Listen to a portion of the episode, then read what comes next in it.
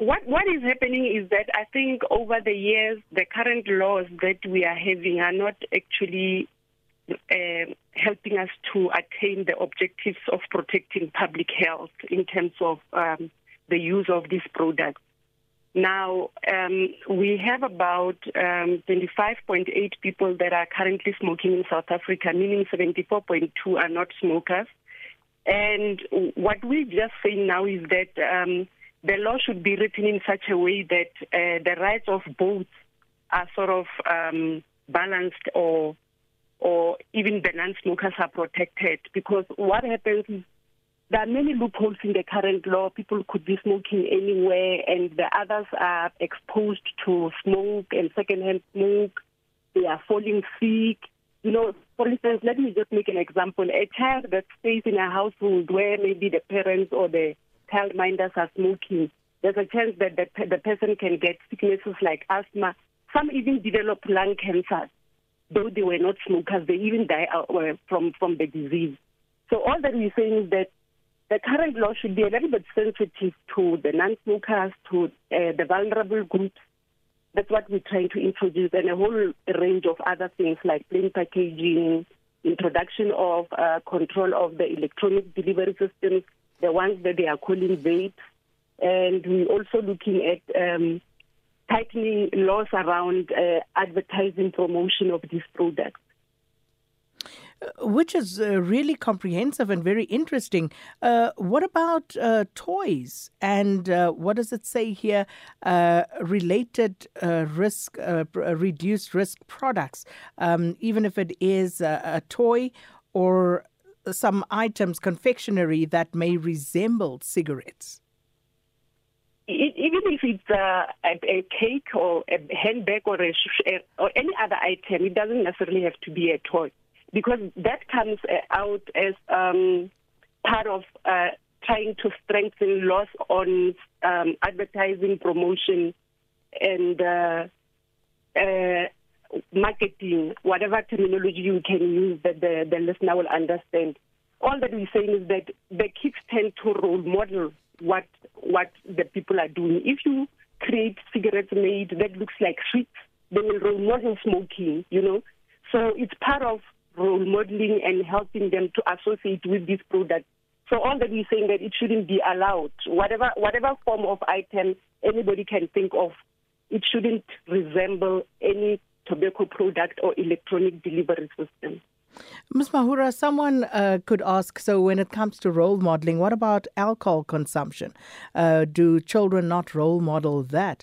Um, you know, the question may be when is the department going to uh, look at some stringent uh, rules around the use and sale of alcohol to children as well?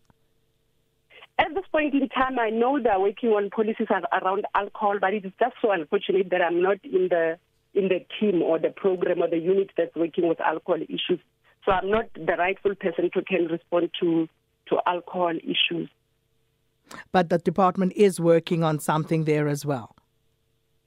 In actual fact, I think that is the education uh, bill that the, the department and education are, are sort of uh, collaboratively work, uh, working on it. Mm.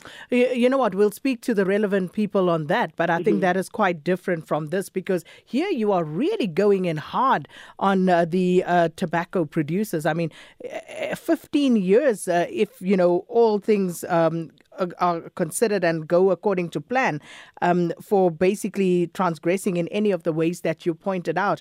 Uh, that's no child's play. And and also, if you look at the advertising for uh, tobacco and tobacco related products over the years now, it has all but vanished.